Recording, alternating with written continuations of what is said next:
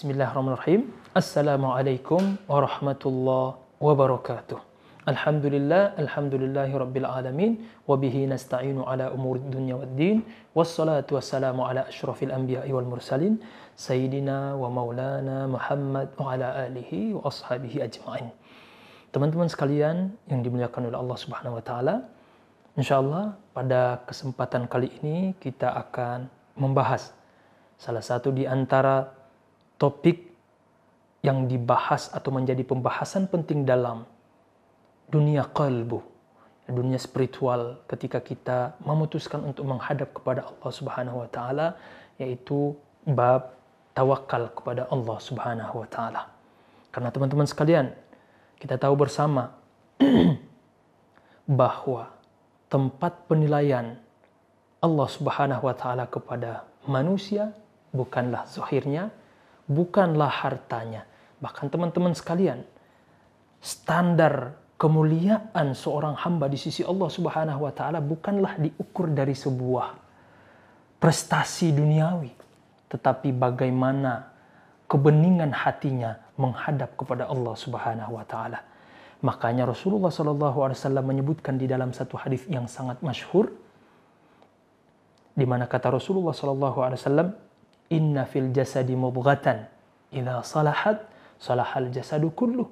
Wa idza fasadat fasadat jasadu kullu ala wahyal qalb. Kata Rasulullah sallallahu alaihi wasallam di dalam tubuh seorang manusia ada segumpal daging. Di mana ketika segumpal daging ini baik maka akan baik pula seluruh amaliyah zahir seorang manusia. Dan apabila dia rusak maka akan rusak pula seluruh amaliyah zohir dari sosok manusia itu sendiri. Apa itu? Ala wahiyal qalb. Itulah yang namanya hati. Teman-teman sekalian, hati ini seperti pembahasan fikih. Di dalam kajian fikih ada namanya bab-bab ibadah. Kita diajarkan tahara, kita diajarkan tata cara solat, dan itu berkaitan dengan ma'lumun minad dini bid darurah sesuatu yang harus dikerjakan oleh seorang mukmin karena itu menjadi syarat utama ya bagi seorang muslim untuk mengabdi kepada Allah Subhanahu wa taala. Kejujuran, ketulusan dia sebagai seorang hamba terbukti ketika dia mengaplikasikan bukti cintanya, bukti keimanannya melalui ibadah. Baik solat, kemudian puasa, zakat, dan sebagainya. Begitu juga dengan hati teman-teman sekalian. Hati juga ada amalan-amalan khusus yang wajib untuk dikerjakan oleh setiap muslim yang berkaitan dengan maklumun minat dini darurah. Sehingga itulah hikmah dibalik adanya ilmu tasawuf ini untuk mengimbangi amalan zohir. Karena teman-teman sekalian, buat apa kita menghabiskan waktu solat, zakat, puasa. Tetapi ternyata ketika kita melaksanakan solat, ketika kita membayar zakat, tetapi rupanya di hati kita ada sesuatu yang di mana kita menunaikannya tidak ikhlas. Bahkan teman-teman sekalian, kata para ulama kita, amalan yang paling terpenting ketika dia berhadapan antara amalan zohir dan amalan hati, kata para ulama kita adalah amalan hati. Kenapa teman-teman sekalian? Karena amalan hati inilah yang akan menjadi penentu utama diterimanya amalan zohir yang kita lakukan. Orang sholat, orang puasa, orang bayar zakat, tetapi ketika hatinya tidak ikhlas melaksanakan ibadah tersebut kepada Allah, maka sia-sialah semua amalan yang dia lakukan. Nah, kali ini insya Allah yang akan kita bahas salah satu tema besar dalam amaliyah hati yaitu tawakal. Nah, teman-teman sekalian yang dimuliakan oleh Allah Subhanahu wa taala, tawakal ini sering kita dengar, bahkan sudah menjadi bagian dari bahasa Indonesia. Ketika kita mengatakan kepada teman-teman kita, tawakallah kepada Allah. Ya, sehingga teman kita atau orang-orang yang mendengarkan kata tawakal itu otomatis sudah faham inti dan substansi dari tawakal itu sendiri. Namun bukan itu yang kita inginkan. kita ingin bagaimana istilah tawakal ini dijelaskan oleh ahlinya. Karena tentu sebagaimana yang kita tahu bahwa setiap cabang ilmu punya para pakar, punya ulama-ulamanya. Maka bagaimana para ulama kita memahami tentang konsep tawakal ini? Nah, teman-teman sekalian, tawakal ini sebelum kita masuk kepada definisi atau pemahaman para ulama kita tentang tawakal, kenapa kita harus tawakal kepada Allah? Ternyata teman-teman sekalian, tawakal itu adalah ekspresi bentuk keimanan kita kepada Allah. Kita tidak akan menyerahkan urusan kita kepada seseorang kecuali kita percaya kepada dia. Kecuali kita yakin dia orang yang pantas untuk menerima titipan barang yang kita titipkan kepada dia. Makanya kata para ulama kita tawakal ini merupakan bentuk ekspresi keimanan kita kepada Allah. Tidaklah seorang mukmin bertawakal kepada Allah kecuali dia yakin bahwa Allah Subhanahu wa taala yang paling pantas untuk diserahkan semua urusannya karena Allah Subhanahu wa taala lah yang mengatur dan menetapkan seluruh yang menjadi ketetapan sang hamba. Maka dari itu teman-teman sekalian, erat kaitannya tawakal ini dengan keimanan.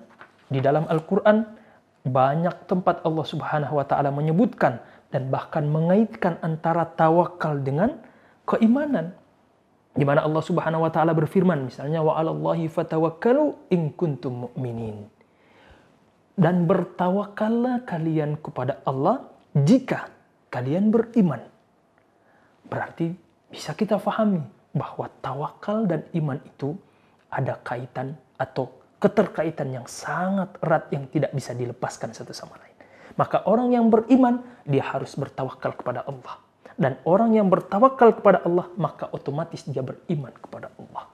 Namun seperti apa konsep yang difahami oleh para ulama kita tentang tawakal itu sendiri?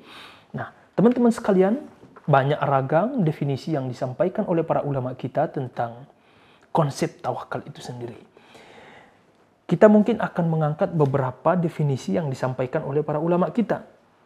Di antaranya misalnya di sini disebutkan oleh Imam ya, seorang sufi Abu Sa'id Al-Kharraz rahimahullahu taala. Kata beliau apa? Tawakal itu huwa tasdiqu lillahi azza wa jalla wal i'timadu alaihi was sukunu ilaihi wat tuma'nina ilaihi. Teman-teman sekalian, kalau kita melihat redaksi ini, kata beliau, tawakal itu adalah membenarkan Allah Subhanahu wa taala. Al-i'timadu alaihi bersandar kepada Allah Subhanahu wa taala. Wasukunu ilaihi wattuma'nina ilaihi dan merasa tenang dengan keputusan Allah Subhanahu wa taala. Maka tawakal itu dari definisi yang disebutkan oleh Abu Sa'id Al-Kharraj ini kita bisa lepaskan satu-satu menjadi inti dari tawakal itu sendiri. Yang pertama adalah tidaklah seseorang bertawakal kepada Allah kecuali itu adalah wujud bentuk keimanan dia kepada Allah. Jadi kalau ada seorang mukmin kemudian tidak pernah bertawakal kepada Allah Subhanahu wa taala, ya selalu mengandalkan dirinya sendiri, selalu kemudian melihat bahwa dialah yang semua yang bergantung padanya. Artinya semua hal yang berkaitan dengan cita-cita, yang berkaitan dengan keinginan, semua keputusan berada di tangannya. Dia lupa bahwa yang mengatur, yang memberikan keputusan adalah Allah Subhanahu wa taala. Maka seorang mukmin adalah seorang yang senantiasa bertawakal kepada Allah. Tapi teman-teman sekalian, Bagaimana sih konsep tawakal itu sendiri? Karena hari ini ada semacam distorsi. Kesalahpahaman di dalam memahami tawakal. Seolah-olah tawakal itu hanya semuanya menyerahkan kepada Allah tanpa melalui usaha. Apakah begini maksud tawakal yang dimaksud oleh para ulama kita? Tunggu dulu. Mari kita lihat dan baca apa sih yang dimaksud tawakal oleh para ulama kita. Nah, ternyata teman-teman sekalian, kata para ulama kita, tawakal itu bukan sekedar menyerahkan semua urusan kepada Allah kemudian tanpa berusaha. Tawakal itu diikat atau saling menguatkan antara menyerahkan kepada Allah hati tentunya kita serahkan kepada Allah. Semua keputusan yang Allah berikan kepada kita, kita yakini itulah yang terbaik bagi kita. Itulah yang terbaik bagi kita sebagai manusia. Tapi kata para ulama kita, tawakal itu harus dibarengi dengan usaha. Ya, tidaklah kita menyerahkan sesuatu kecuali kita harus berusaha. Makanya di sini kata para ulama kita termasuk Imam Ghazali. Kata beliau apa? Qala al-Imam al-Ghazali rahimahullahu taala qad yadhunnu al-juhal anna syart at-tawakkul tarkul kasbi wa tarkut tadawi. Kata beliau di sini menarik sekali teman-teman sekalian.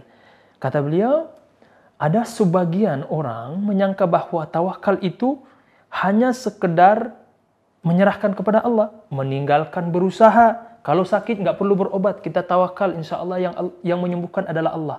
Maka yang seperti ini jahil kata Imam Ghazali. Dia tidak mengerti apa hakikat tawakal itu. Maka tawakal syarat utama adalah selain kita meyakini bahwa Allah Subhanahu wa taala yang mengatur, yang memutuskan segala keputusan, yang kedua adalah tetap sembari berusaha. Maka tawakal kita tidak akan sempurna, bahkan cacat menurut para ulama kita ketika tidak disembari, ketika tidak diikuti, tidak dibarengi derang dengan usaha kita kepada Allah Subhanahu wa taala. Tapi itu dulu teman-teman sekalian yang bisa kita sampaikan. Mudah-mudahan apa yang kita sampaikan bermanfaat bagi kita semua. Assalamualaikum warahmatullahi wabarakatuh.